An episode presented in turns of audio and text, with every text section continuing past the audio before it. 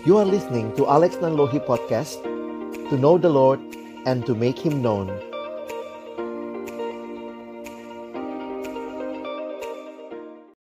Mari tunduk kepala kita berdoa sebelum membaca merenungkan firman Tuhan. Kami akan membuka firman-Mu ya Tuhan. Kami mohon bukalah juga hati kami. Jadikanlah hati kami seperti tanah yang baik. Supaya ketika benih firman Tuhan ditaburkan itu boleh sungguh-sungguh berakar, bertumbuh. Dan juga berbuah nyata di dalam kehidupan kami. Berkati baik hambamu yang menyampaikan dan setiap kami yang mendengarkan. Tuhan tolonglah kami semua Agar kami bukan hanya menjadi pendengar-pendengar firman yang setia, tapi mampukan kami dengan kuasa dari rohmu yang kudus, kami dimampukan menjadi pelaku-pelaku firman-Mu di dalam hidup kami, di dalam masa muda kami. Bersabdalah ya Tuhan kami anak-anakmu sedia mendengarnya. Di dalam satu nama yang kudus, nama yang berkuasa, nama Tuhan kami Yesus Kristus, Sang Firman yang hidup, kami menyerahkan pemberitaan firman-Mu. Amin. Shalom. Selamat pagi teman-teman sekalian.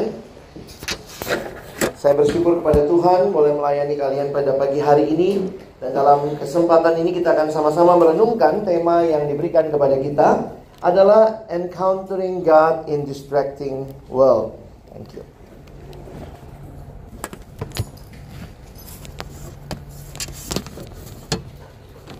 Kita akan memikirkan tema ini dari satu bagian firman Tuhan. Karena itu pagi ini Kak Alex ingin kita buka sama-sama di dalam 1 Yohanes pasal yang kedua.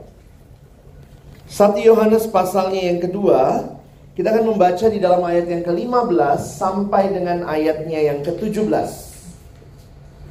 1 Yohanes pasal yang kedua, ayat yang ke-15 sampai dengan ayat yang ke-17. Baik kalau sudah menemukan kita akan membaca bergantian.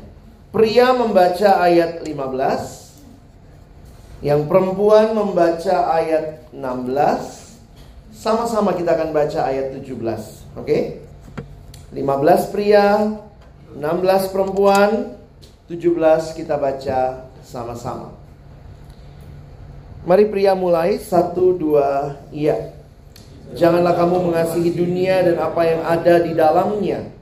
Jikalau orang mengasihi dunia, maka kasih akan Bapa tidak ada di dalam orang itu.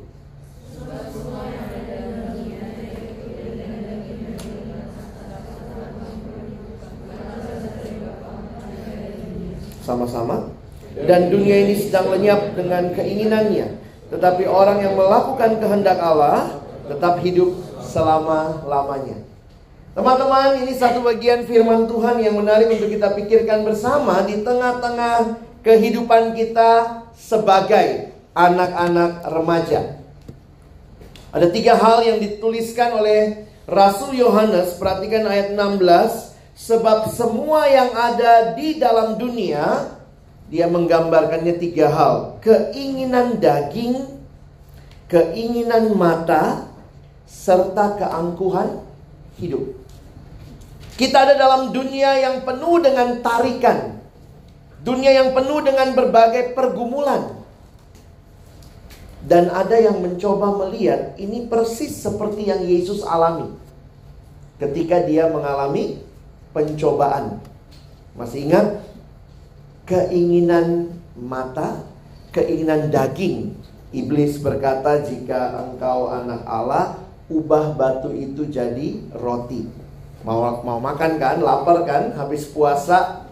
Jadi ada distracting dari iblis. Makan, ubah batu ini jadi roti. Keinginan daging. Keinginan mata. Lihatlah, semua ini akan kuberikan padamu asal kau sujud menyembah aku. Yesus diperlihatkan keindahan dunia.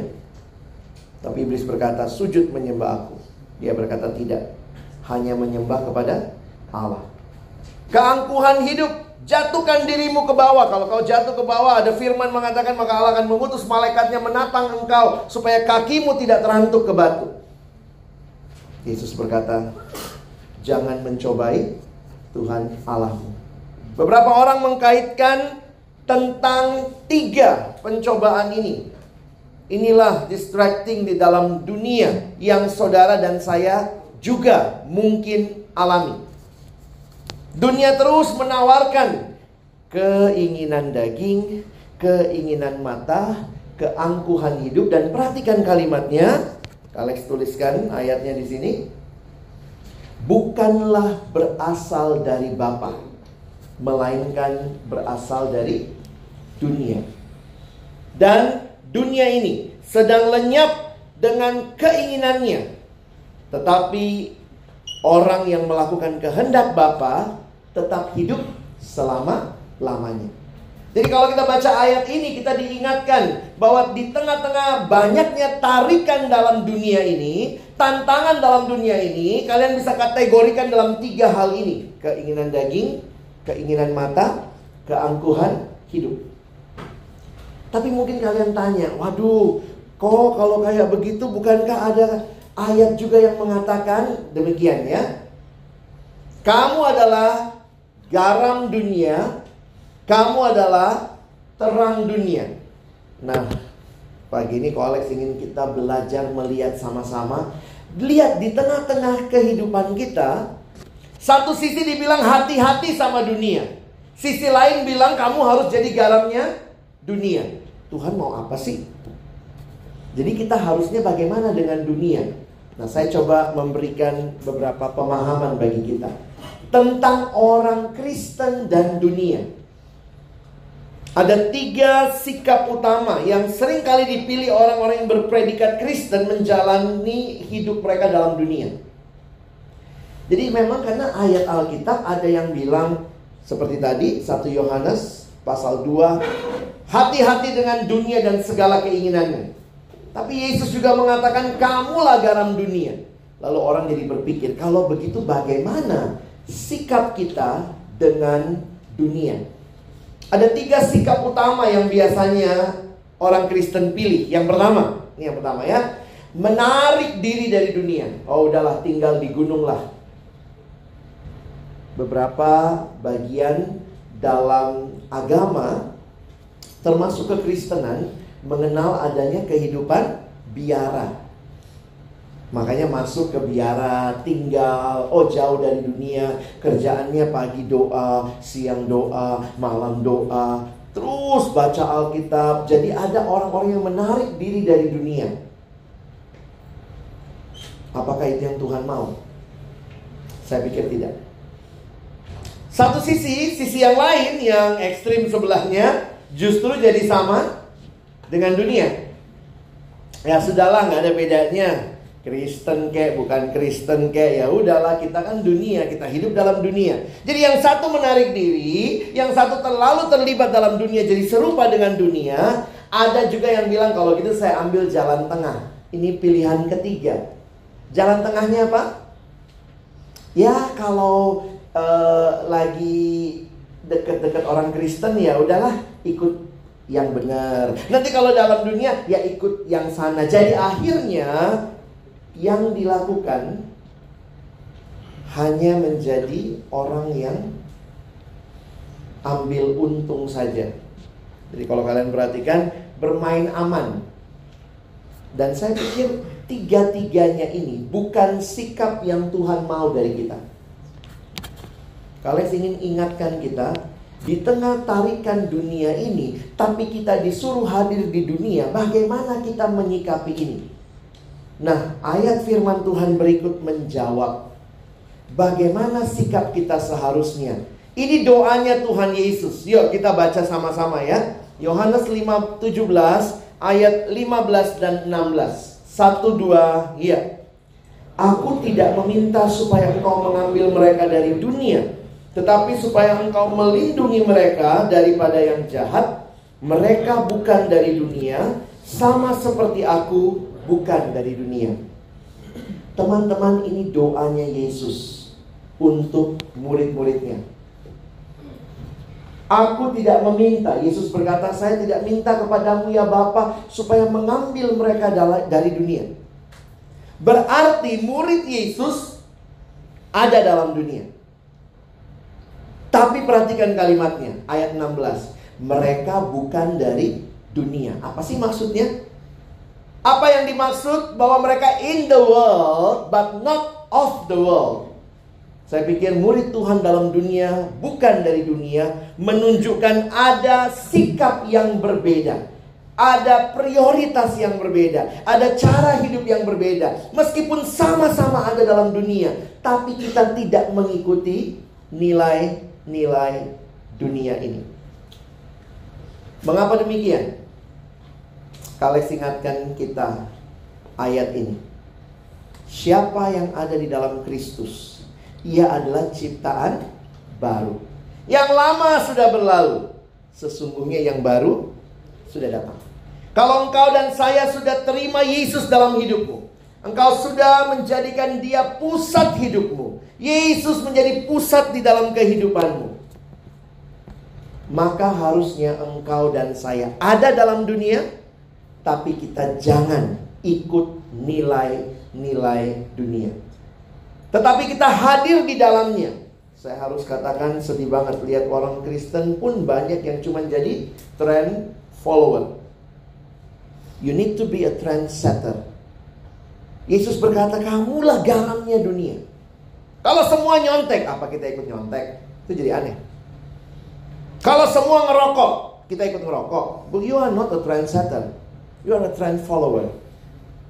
Karena itu waktu kita melihat hal ini, saya ingin memberikan kepada kita apa yang menjadi solusinya untuk kita bertahan tetap bisa fokus kepada Tuhan di tengah-tengah dunia yang terus mendistract kita. Kalex ingin kita membaca ayat berikut ya.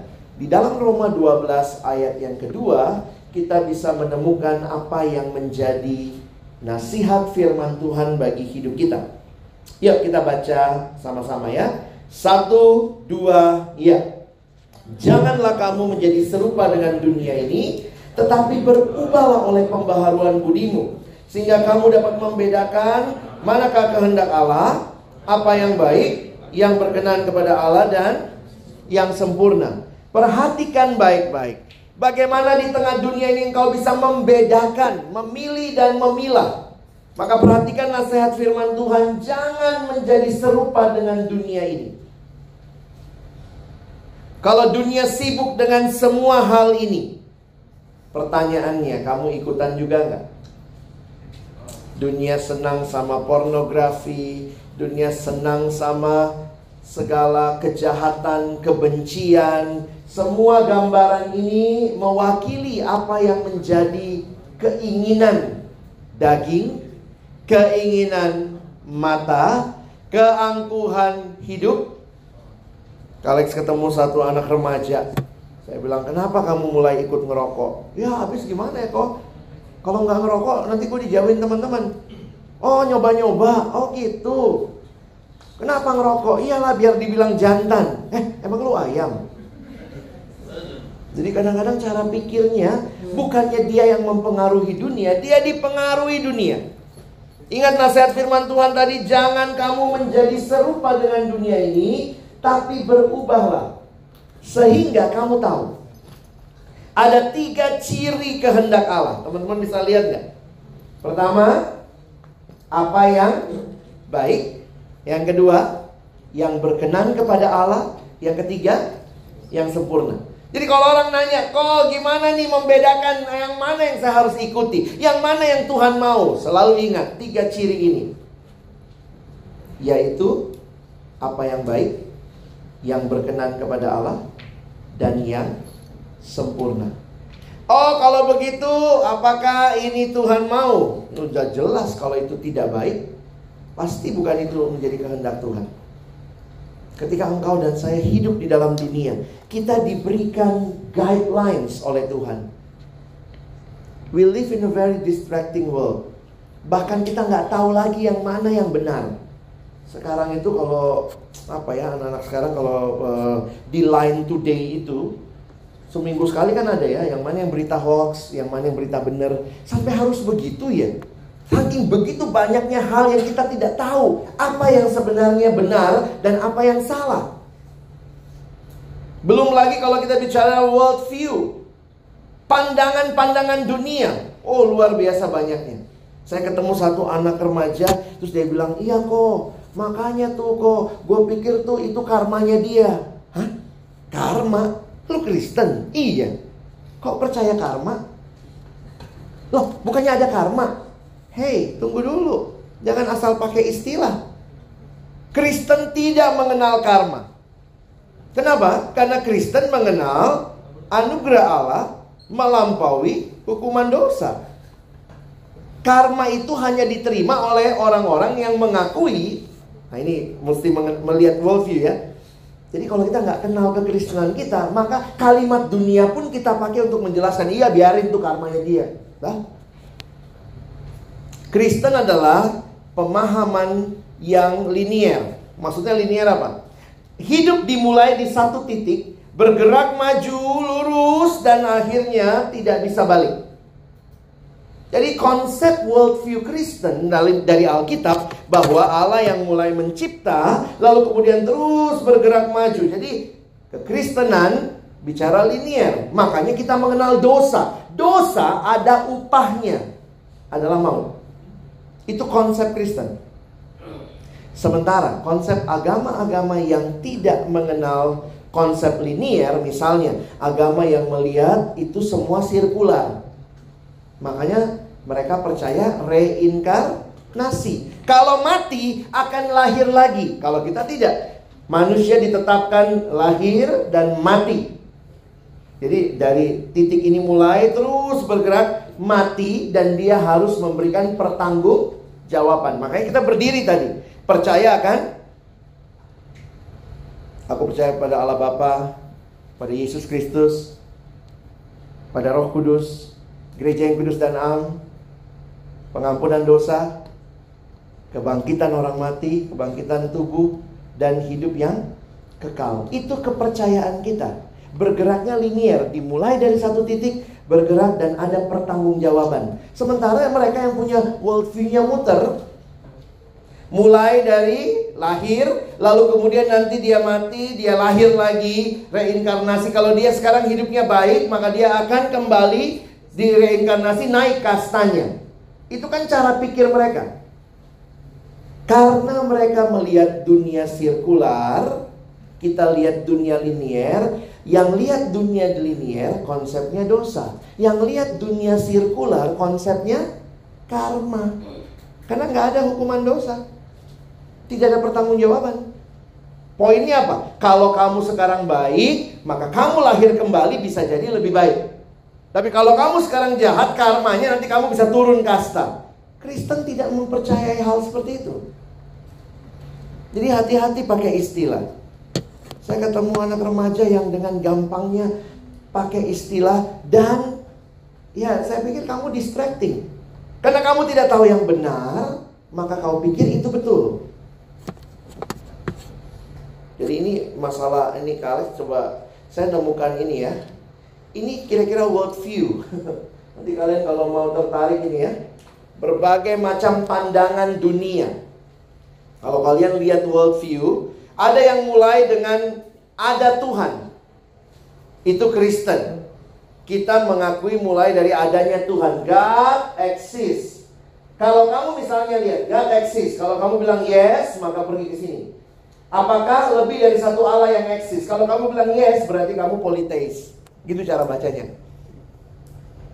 Oh, buat saya God exists. Oke. Okay. Yes. More than one God? No, cuma satu Allah. Kalau begitu, apakah Allah yang kamu percaya itu mengontrol segala sesuatu? Kalau yes, nah ini terus nih. Kamu panteis kah? Kamu deis kah? Kamu teis kah? Kamu panenteis? Ini aja udah banyak banget. Tapi kalau kamu bilang God exists, no, ateis sudah.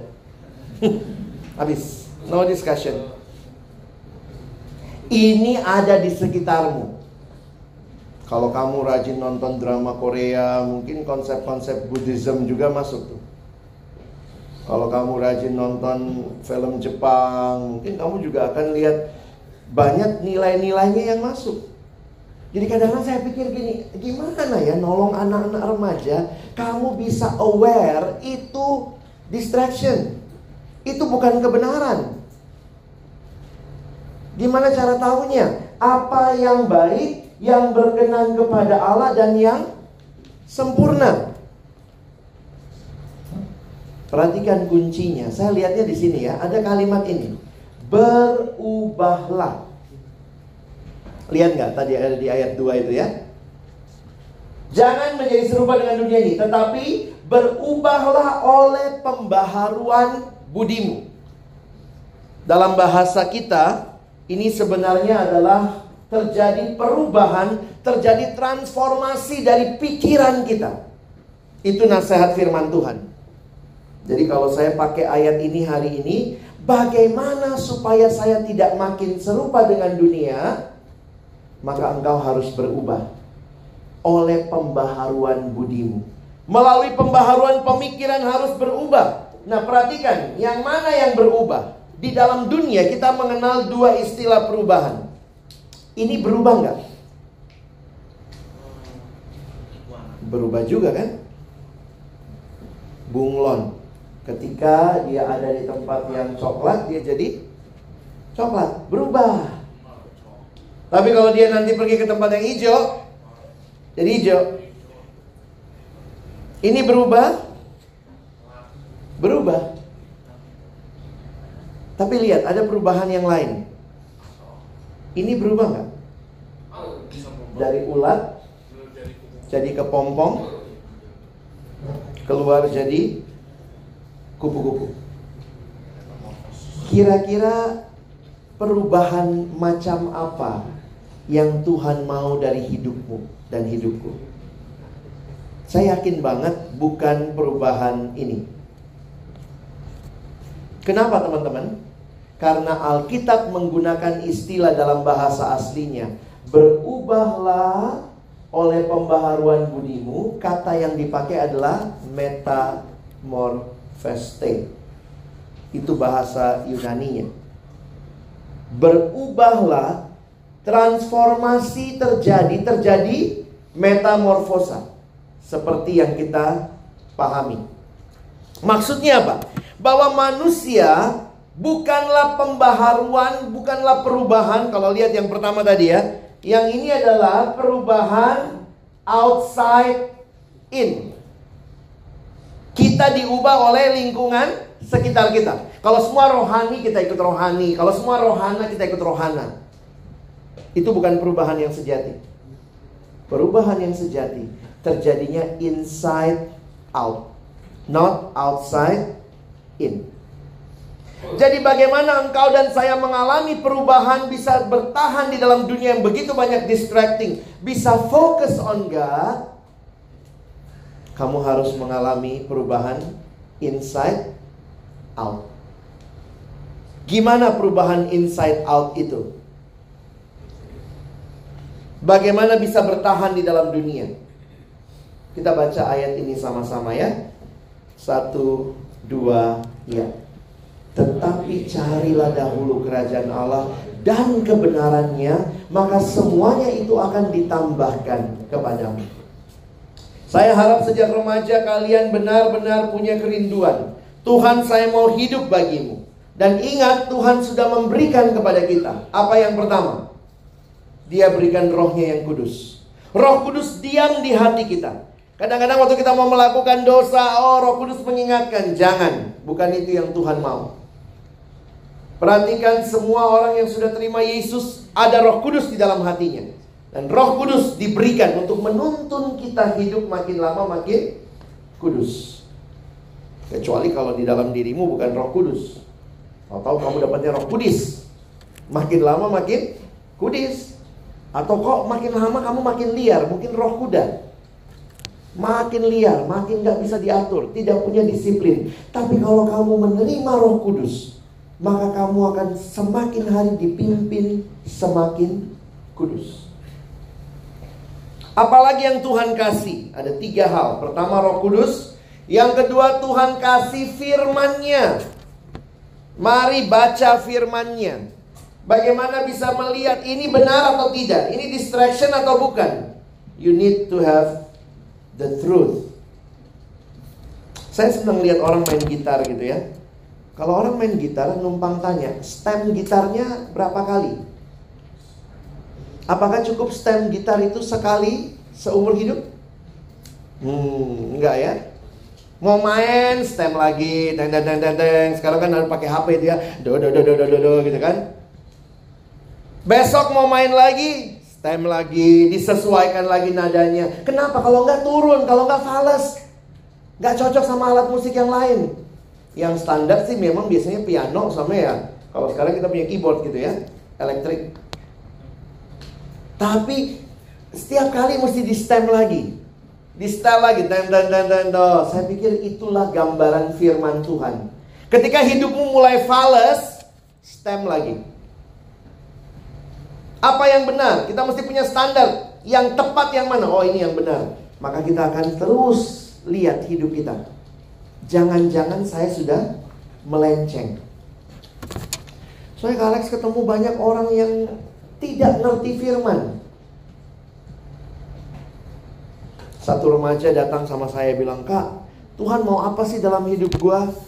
Gue pengen tahu deh Tuhan maunya apa Gue abis ini bingung Mau masuk ke mana sekolahnya Mau kuliahnya nanti bidang apa Terus saya bilang oke okay, Kalau gitu pengen tahu kehendak Tuhan Iya kak Kamu rajin baca Alkitab Nah itulah kak masalahnya hmm. Mau tahu kehendak Tuhan Tidak mau baca firman Tuhan Apa kalimatnya tadi? Carilah dahulu kerajaan Allah dan kebenarannya. Kadang-kadang jadi pertanyaan nih kita kok Ya inilah generasi yang empang ya Maunya enak dan gampang Ada yang bilang oh gimana ya kak Gimana caranya supaya belajar juga? Belajar pun pakai prinsip ekonomi. Belajar sesedikit-sedikitnya Nilai setinggi-tingginya. Gimana cara? Dalam kerohanian pun Maunya empang. Ada anak yang bilang sama saya, gimana ya kak caranya ya? Sebenarnya kalimat dia begini, gimana caranya? Nggak usah baca Alkitab tapi tahu isinya? Gimana?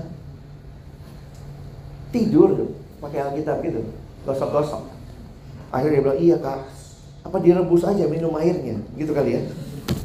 Lucu, kita mau hidup benar, mau hidup kudus, tapi tidak suka dengan firman Tuhan. Saya pikir itu anomali. Memang sih banyak distraction ya. Kalau main game online bisa melek tuh. Kalau nonton drama Korea satu malam tiga episode melek ya. Kalau baca Alkitab baru dua menit. Apa yang salah sama kerohanian kita ya? Jangan heran, saya tidak melarang orang main game. Tapi banyak orang yang bukan main game lagi, udah kecanduan game. Boleh nggak nonton drama Korea? Ini boleh dong gitu ya kalau nanti saya ditimpuk nih ya. Tapi banyak orang bukan cuma nonton drama Korea, udah kecanduan drama Korea. Dramanya putus, kamu yang baper. Seharian di sekolah, hmm, semalam dia putus, ya kenal aja kagak. Uh, jadi lucu gitu ya. Kadang-kadang saya mikir, kita itu membiarkan dunia itu membentuk kita. Teman saya kebanyakan nonton drama Korea. Terus mulai sekarang ngomong, iya, gue mesti cari chemistry-nya. Apa sih? Itu masuk kuliah sana, ada jurusan chemistry gitu ya. Jadi karena aneh-aneh gitu ya. Oh lihat tuh. Jadi saya ini kalian mungkin masih terlalu kecil ya, tapi saya ceritain aja. Saya bilang sama dia, Alkitab tidak bicara chemistry first. No. Membangun relasi cinta bukan dimulai dari chemistry, karena chemistry bisa berubah. Alkitab bicara komitmen first. Chemistry tanpa komitmen itu akan distraktif. Tapi komitmen akan menolong membentuk chemistry. Nanti satu waktu kamu ngerti yang saya maksud ya. Jadi saya banyak ketemu orang sekarang dalam konseling percakapan menjelang pernikahan atau mau pacaran anak remaja atau anak kuliah. Saya sih nggak terlalu rekomen anak remaja pacaran ya. Belajar dulu deh. Nggak usah terlalu cepat mesti pacaran. Emang mau menikah besok? Oh nggak besok sih kak. Nanti siang. Wih cepet apa gitu ya. Jadi kadang-kadang gitu. Gue dapet nih chemistry-nya sama dia. Loh chemistry itu bukan titik membangun relasi hati-hati bukan itu saja Sayangnya yang ditawarkan oleh drama-drama film-film sekarang adalah chemistry. Sehingga banyak orang berchemistry tapi tidak punya komitmen. Itu destruktif. Jadi itu ngeri banget. Kenapa firman Tuhan gak dibaca sih? Bayangkan ya kalau yang masuk terus drama-drama Korea, yang masuk terus drama Korea. Alkitab susah dibaca, dibaca pun tidur. Di sekolah kebaktian ngobrol sama teman. Akhirnya yang banyak masuk yaitu Kalex ketemu ada tante Kristen banget tante ini ya dalam satu retret ibu-ibu ini ya udah dia pakai kalung salib oh tantenya penampilannya Kristen banget tapi mungkin dia nggak baca Alkitab yang dia nonton sinetron jadi akhirnya kan masuk tuh sinetron ibu-ibu ya tiba-tiba dia datang sama saya Kak Alex boleh saya ngobrol oh ya silakan tante dia bilang gini Kak saya ini orang baik kalau kau orang baik, mari kita tutup doa ya, nggak usah ngobrol kan? Kak, saya ini orang baik. Oh gitu tanda ya. Kenapa? Terus dia cerita. Ternyata singkat cerita dia ditipu sama teman dagangnya. Mereka kongsi buka usaha, taunya temennya nipu dia. Dia bilang gitu ya, saya ini orang baik pak. Tapi kalau orang bikin jahat sama saya pak, uh, saya pikir, terus dia bilang gini, kalau orang baik sama saya, saya bisa lebih baik sama dia pak. Tapi kalau orang jahat sama saya pak, uh, saya juga bisa lebih jahat sama dia. Ya ampun, buang tuh salib. Dalam hati saya gitu ya. Terus tiba-tiba, jadi saya pikir ini tante-tante ini sinetron habis deh. Ya, terus dia bilang gini, ehm, saya itu orangnya percayaan pak sama orang. Saya itu orangnya sangat percaya, sangat setia kawan. Tapi sekali saya dikhianati pak, au, nggak bisa saya pak. Aunya panjang lagi. Saya pikir kalau Kristen harus bagaimana sih? Dikhianati teman? Ya ampuni. Kamu pikir, ih lemah banget kita Kristen ya. Balas dulu lah. Baru ampuni. kita maunya gitu kali ya. Jadi waktu dia bilang begitu, saya akhirnya bilang sama dia, Bu, kalau Tuhan yang ngomong begitu sama kita, bayangkan kalau Tuhan ngomong, sekali kamu bikin salah, oh, saya nggak bakal ampunin kamu. Kita tuh mintanya apa? Tuhan, ampunilah kami akan dosa kami seperti kami juga mengampuni orang yang bersalah kepada kami. Kamu minta Tuhan ampuni saya, aku harus diampuni. Waktu ada orang bikin salah, gue nggak ampunin lu. Sombong banget kamu. Kita merasa diri kita lebih dari Tuhan. Jadi waktu dia cerita itu, saya cuma bilang iya bu, tapi ya namanya kita anak Tuhan harus mirip Tuhan. Ya dong. Ada nggak papa mamamu yang bangga kalau kamu makin hari makin mirip tetangga? Ada nggak? Kamu pulang nanti terus papa bilang, aduh nak papa bangga sekali lihat kupingmu mirip tante di seberang. Lihat hidungmu tuh mirip om yang suka jualan gitu. Saya pikir orang tua yang normal senang banget anaknya mirip mirip dia. Kalex pergi besuk teman melahirkan ya. Ini teman saya dulu di kampus satu kelompok KTB ya, kelompok tumbuh bersama. Kami datang besuk nih suami istrinya teman saya. Tapi waktu itu yang melahirkan tetap istrinya ya. Jadi waktu datang gitu datang anak pertama nih ya, anak pertama biasalah. Bangga banget nih mamanya, dia pamer lah anaknya pas kami datang habis menyusu. Sekarang anaknya sih sudah SMA 3 ya, kelas 3 ya. Waktu itu masih kecil gitu, jadi masih merem gitu. Terus mamanya ngomong gini, Lex, lihat anak gua. Mm -mm, kita lihat gitu masih tutup mata ya. Hidungnya kan hidungku ya, jidatnya jidat bapaknya. Tiba-tiba bapaknya marah, Mama, hidungnya hidung papa, jidatnya jidat mama. Lalu mereka berantem gitu, hidung jidat, hidung jidat. Gitu. saya waktu lihat gitu sih saya pikir ya ampun, namanya juga produk bersama ya. Pasti rada mirip sana, rada mirip sini. Waktu di situlah Kalex jadi ngerti. Orang tua itu paling bangga anaknya mirip dia. Ini anakku. Coba kalau misalnya kamu mirip banget sama papa atau mama. Ada orang ketemu di mall, Pak, ini anak lu pasti ya, nggak usah tes DNA deh, buang duit, udah kelihatan, fotokopi lu. Sekarang pertanyaannya, kita anak Tuhan atau bukan? Harusnya mirip siapa kalau anak Tuhan? mirip siapa kalau anak Tuhan? Harusnya mirip mirip Tuhan ya. Ada nggak temanmu di sekolah udah ngomong, ih lu Tuhan banget sih. Belum ya? Berarti bukan anak Tuhan dong. Bayangkan kalau orang lihat hidupmu langsung orang bilang, dasar lu anak setan. Berarti kesetananmu lebih kelihatan. Harusnya sih ya, kita bukan makin mirip dunia. Kita makin mirip Tuhan. Dan Tuhan sudah nyatakan dalam firman. Tuhan kasih apa yang pertama tadi? Roh Kudus. Tapi yang kedua dia kasih firman Tuhan. Yang ketiga untuk engkau dan saya bertahan di dalam dunia yang banyak distraksi ini. Tuhan kasih kamu komunitas. Ada anak datang sama saya, Kak Alex, saya ngerokok gitu ya. Terus saya bilang, kenapa? Lalu dia cerita, habis semua teman saya ngerokok. Kalau saya nggak ngerokok, saya jadi aneh. Nasihat saya apa? Ganti teman. Ganti semua temanmu nggak ngerokok, terus kamu ngerokok sendiri. Kau yang aneh. Emang dunia ini lucu ya? Kalau semua orang melakukan seolah-olah mereka yang benar. Semua nyontek, kamu nggak nyontek. Yang aneh siapa? Yang nggak nyontek kadang-kadang. Lucu ya? Ini dunia goblok benar. Benar. Makanya pendeta Dr. Stephen Tong mengatakan ini abad yang bodoh.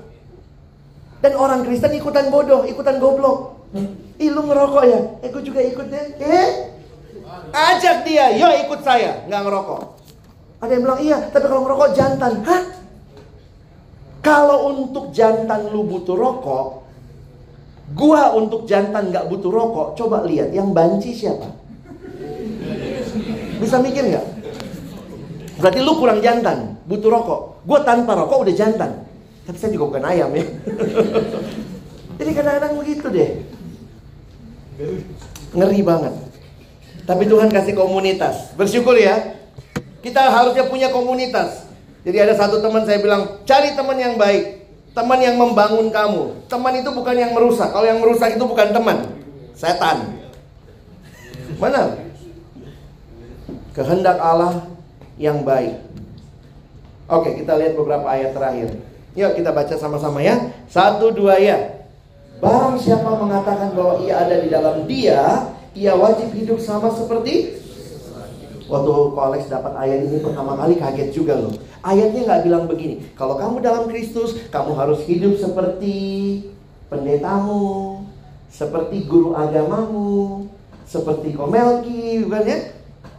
Langsung seperti Kristus hidup. Manusia bisa gagal tapi waktu engkau lihat kepada Tuhan, dia Tuhan yang tidak pernah gagal. Tuhan mau kita mirip dia. Ada komitmen untuk berubah. Teman-teman, kita harus menanggalkan apa yang tidak benar, mengenakan apa yang benar. Ini istilah Paulus dalam Efesus 4. Dia pakai kata bukan meninggalkan karena dia pakai gambaran kayak baju ya. Menanggalkan tapi bukan cuma ditanggalkan. Sekarang mengenakan manusia baru. Nah, saya coba melihat ya, hal-hal apa yang harus ditanggalkan supaya kita tidak terdistraksi dengan dunia. Ya ini semua. Dosa, kebiasaan buruk, nyontek, malas, pikiran kotor, perkataan kotor, gosip, bully, ya. Hati-hati loh, bully-bully orang.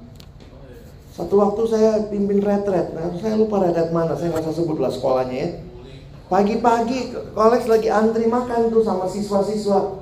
Lagi antri makan tiba-tiba ada yang teriak, "Woi sapi!" Saya kaget. Ini retak sekolah kok bukan retak kebun binatang gitu ya. Ternyata di depan saya, tiga baris di depan saya ada satu anak cowok gendut. Dia dibilang sama teman-temannya, sapi. sapi. Dia yang dibilang sapi, saya yang tersinggung. Kalau dia sapi, gue apa? Gue lebih gede dari dia lagi gitu. Bapaknya sapi. Tapi mungkin kita rasa oh biasa aja, tapi ternyata bully itu bisa merusak. Beberapa teman ada yang sampai berpikir bunuh diri. Kenapa? Tidak ada yang terima saya. Saya dibully. Pornografi. Hati-hati ya. Dulu statistiknya gitu. 7 dari 10 remaja pria kecanduan pornografi. Sekarang statistiknya mungkin berubah. 10 dari 10 remaja pria. Hati-hati ya. Kok ngomong begini sambil ketawa tapi miris loh. Atau mungkin sekarang bukan 11 dari 10 remaja pria. Lebih gitu ya. Lebih satu. Astaga, karena ada yang sudah ngeri banget. Eh, hati-hati loh. Kita punyanya smartphone. Tapi gara-gara ini juga kita bisa jadi goblok. Jadi ini namanya goblok phone sekarang. Karena dari survei, banyak remaja jatuh dalam dosa pornografi di HP yang dikasih orang tuanya. HP di private, apa ya, dikunci, di lock gitu ya. Apa alasannya privacy padahal banyak foto seksi. Hati-hati. Ya. Ramalan bintang, ada juga tuh anak remaja sekarang percaya ramalan bintang. Satu waktu Pak Alex datang ke satu tempat, ketemu satu anak, dia tanya, Koko bintangnya apa? Saya bingung bintang, bintang oh, maksud. Oh, yang bintang-bintang itu. Ya saya juga tahu kan saya bilang, "Oh, saya Capricornus." Eh, kita nggak cocok ya kok? Ya ampun, belum juga ngobrol. Belum juga ngobrol. Percaya sama bintang, kita nggak cocok kok ya. Kayaknya agak ciong ya. Lah, lu kagak kenal gua, gua nggak kenal lu. Dia diatur oleh siapa? Bintang. Bodoh kan? Percayalah sama pembuat bintang, bukan sama bintangnya.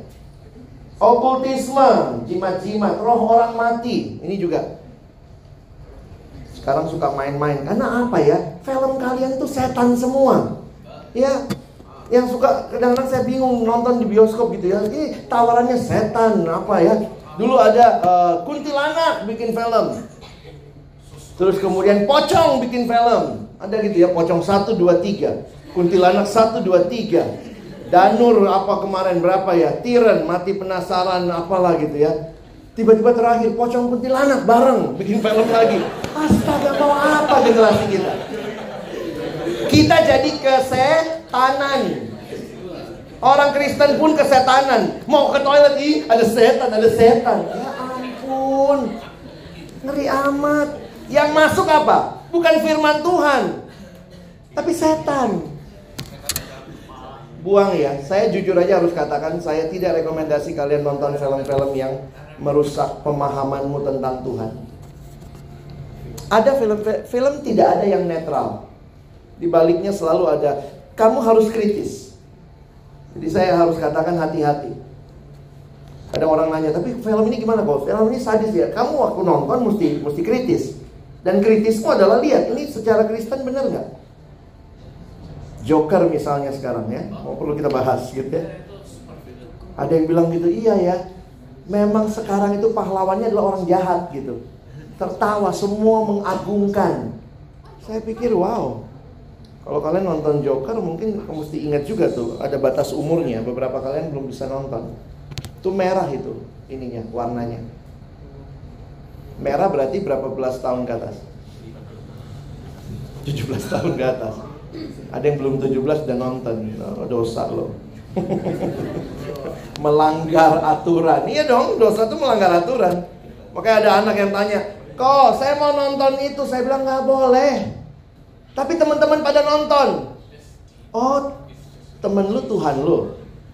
Kalau mereka pada nonton, teman-teman gua kok bunuh diri, ya gua juga mesti ikut bunuh diri gitu. Goblok kok bareng-bareng. Dengar ngeri lo, ya. Apa yang mesti dibangun? Nah, apa yang harus dikenakan? Ini gambar namanya ilustrasi roda Dibuat oleh seorang bernama Dosen Trotman Bapak Dosen Trotman menggambarkan hidup yang taat itu seperti roda Roda itu yang muter mananya? Porosnya Di pusat hidup harus ada Kristus Lalu dia gambarkan dua jari-jari Satu jari-jari yang vertikal Itu hubungan dengan Allah Satu jari-jari yang hori horizontal. Gimana? Vertikal. Waktu saya bicara sama Tuhan namanya doa. Tuhan bicara kepada saya melalui firman. Makanya dari sekolah minggu kita udah tahu lagu itu ya. Bagaimana bertumbuh adik-adik? Baca kitab suci, doa tiap hari kalau mau tumbuh.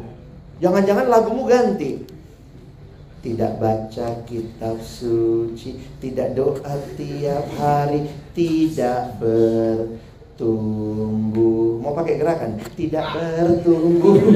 Bangga. Ngeri ya? Ah, jadi jangan ini jangan jadi alas tidur ya. Syukur-syukur kalau kalian di sekolah Kristen tiap pagi kan mesti dibuka ya. Tapi banyak yang nggak buka waktu hari Sabtu. Kenapa? Libur kok. Alkitab juga libur. Coba bayangkan kalau Tuhan bilang Aku juga libur dari hidupmu. Habis kita. nah, yang horizontal apa? Ada dua dia katakan. Hubungan dengan sesama orang percaya, kita harus rajin bersekutu. Bagaimana keluar? Kita harus rajin bersaksi. Jadi makanya kita kenakan ini. Saya mau baca kitab suci, mau berdoa, mau rajin bersekutu dan juga giat bersaksi. Ada kesempatan melayani, saya akan melayani.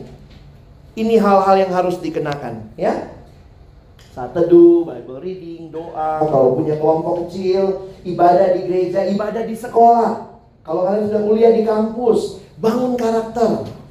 Ini yang Tuhan mau dari kita. Sebagai penutup, akhirnya saya pikir kalau kita bisa berubah, tahu apa yang jadi prioritas, tahu firman Tuhan, mengalami kuasa Roh Kudus, punya komunitas yang baik, maka kamu akan jadi orang yang bisa hidup ber beda. Dare to be different. Kok Alex senang dengan ilustrasi ikan? Pernah lihat ikan? Pernah ya? Jangan bilang itu sebelah saya. ikan terakhir yang saya lihat lucu itu ikannya di Abominable ya. Ikan koi. Ini pada belum nonton ya Abominable. Saya senang film kartun soalnya ada ikan koi yang mulia gitu ya. Terus dibecandain sama si si ininya ya si Everestnya. Uh, gitu ya. Nah apa yang menarik dari ikan? Ternyata ada penelitian ikan yang hidup seumur hidup akan berenang melawan arus. Jadi ikan yang hidup itu adalah ikan yang melawan arus. Ikan yang mati itu yang ikut arus. Ada sih ikan yang pura-pura mati itu loh. Pernah lihat gak ikan yang malas itu ya? Yang kalau di akuarium gitu ya, kayak, saya kesel banget lihat ikan itu ya. Berapa kali saya gini, buk buk gitu ya. Baru ah dia hidup lagi ya. Jadi ikan yang hidup akan selalu hidup melawan arus. Saya pikir jangan ikut arus. Oh, kamu harus jadi trendsetter, jangan jadi trend follower. Nanti kalau semua nyontek, semua malas, semua porno, masa kita ikutin? Enggak distracting. I want to focus on God. Oke? Okay? Yang berikutnya tentang ikan menarik juga ya. Ikan meskipun tinggalnya di laut, di air asin, tapi ikan itu dagingnya tetap tawar. Ada nggak yang pergi ke laut? Mancing apa lu? Ikan asin? Nggak ada kan?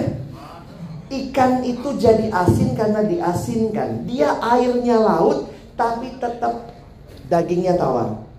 Bagi Kolex itu jadi gambaran. Tidak ada alasan buat kita. Semua teman gua nyontek, saya jadi nyontek. Semua teman gua nggak benar, jadi gua nggak benar. No, you have a choice. Meskipun semuanya beda, saya mau hidup benar bagi Tuhan. Ya, saya harap kamu sungguh-sungguh encountering God in this distracting world. Tuhan menolong kita jadi pelaku-pelaku firman. Amin. Mari kita berdoa. Tuhan masa muda kami cuma satu kali. Tapi dalam satu kali itu, kami rindu benar-benar mengenal Engkau, bertumbuh di dalammu, berubah, makin serupa dengan Kristus. Tuhan tolong kami jadi remaja-remaja yang memuliakan Tuhan dengan semua kehidupan kami. Semua pilihan-pilihan yang kami buat. Biarlah itu bukan pilihan-pilihan yang membuat kami makin mirip dunia. Tapi pilihan-pilihan yang membuat kami makin mirip Tuhan. Bukan pilihan-pilihan yang mempermalukan Tuhan. Tapi pilihan-pilihan kami adalah pilihan-pilihan yang mempermuliakan Tuhan. Terima kasih karena Engkau tidak meninggalkan kami di tengah-tengah dunia yang penuh godaan ini. Tuhan hadir, Tuhan terus memimpin kami.